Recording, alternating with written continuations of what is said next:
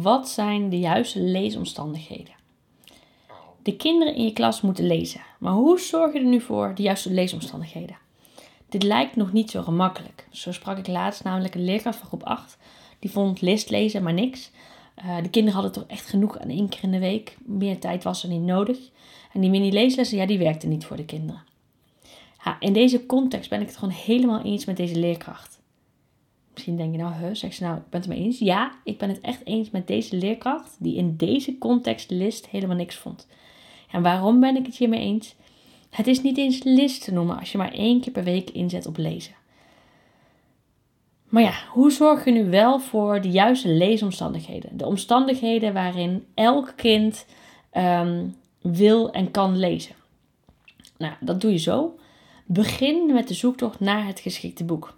Ja, elk kind hoort minimaal twee geschikte kinderboeken op tafel te hebben voordat je begint met lezen. Alleen op deze manier kan en wil het kind tot lezen komen. Die zoektocht is niet niks. Daar kan, zeker bij sommige kinderen, heel wat aan vooraf gaan. En daarom is een volgend onderdeel van de juiste leesomstandigheden het boekenaanbod. Is er een groot boekenaanbod bij jou op school? En dan bedoel ik eigenlijk minimaal zeven boeken per kind aanwezig in de school. En dan niet prentenboeken die in overvloed zijn meetellen voor de groep 8 populatie bijvoorbeeld.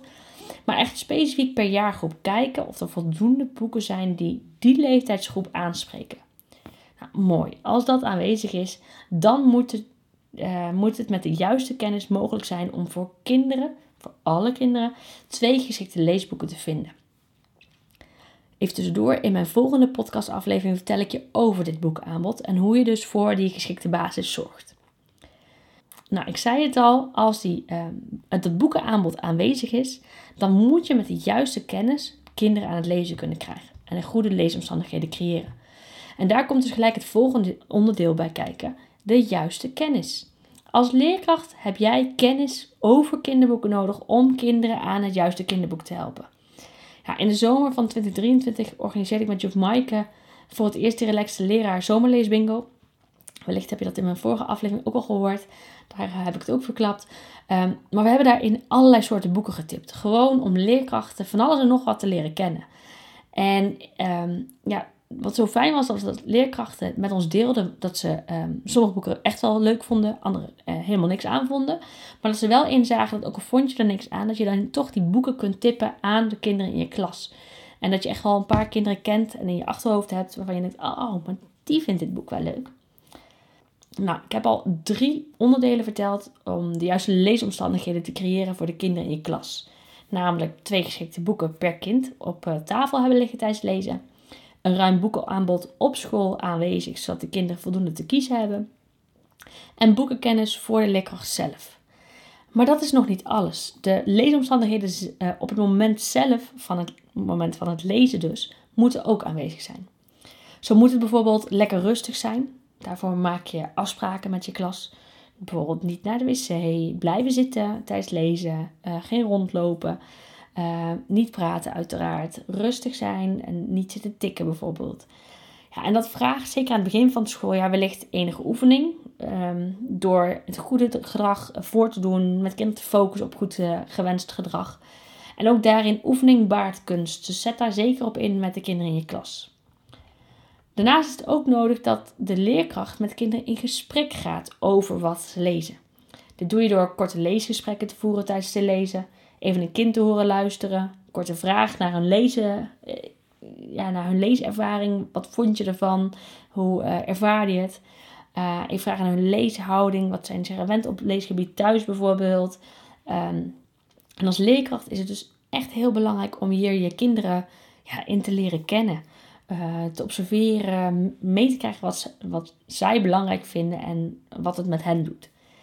Nou, er komt nog een podcast aflevering aan over leesgesprekken. Dus um, ja, mocht je het later uh, luisteren dan ik hem online zet, kijk gerust even of die er al tussen staat. Maar weet dus dat er nog een uh, aflevering over leesgesprekken aankomt. Nou, en als laatste is er voldoende tijd nodig om kinderen uh, te kunnen laten lezen. Als kinderen niet genoeg tijd hebben om te lezen, kunnen ze ook niet in een verhaal komen.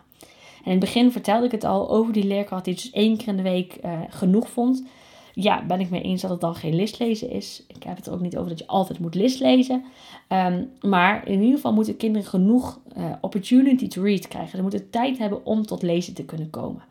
Dus daarom ben ik heel erg benieuwd naar je rooster. Hoeveel tijd staat er daadwerkelijk op je rooster? Is dat voldoende voor de kinderen om ook tot lezen te komen bijvoorbeeld?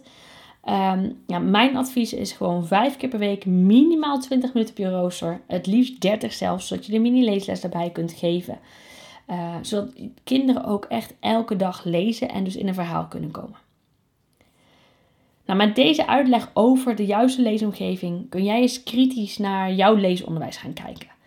En wil je nu meer weten over je eigen boekenkennis, bijvoorbeeld uh, mini-leeslessen, het leesonderwijs, vormgeven met stillezen, dan kun je mijn online cursus mini-leeslessen van A tot Z volgen. Ik zet de link in de show notes, zodat je echt alles over kunt lezen. Uh, maar in het kort, het is een online cursus die je in je eigen tempo volgt. Um, je kunt lid worden van een Facebookgroep waar je nog meer vragen kunt stellen. Je hebt een jaar lang toegang. Uh, en ja, het helpt jou gewoon heel erg om zeker je mini-leeslessen um, goed in de vingers te krijgen. Maar ook het hele, uh, ja, de hele leesomstandigheden goed te creëren. Mini-leesles, kinderboekentip. Ik tip je vandaag graag de Kikkerbilletjes van de Koning van Janneke Schotveld. Dit is naar mijn idee het sprookjesboek van de toekomst. Weg met de oude verhalen waarin de prinses wacht tot de prins haar komt redden of dat soort dingen, maar juist lekker modern.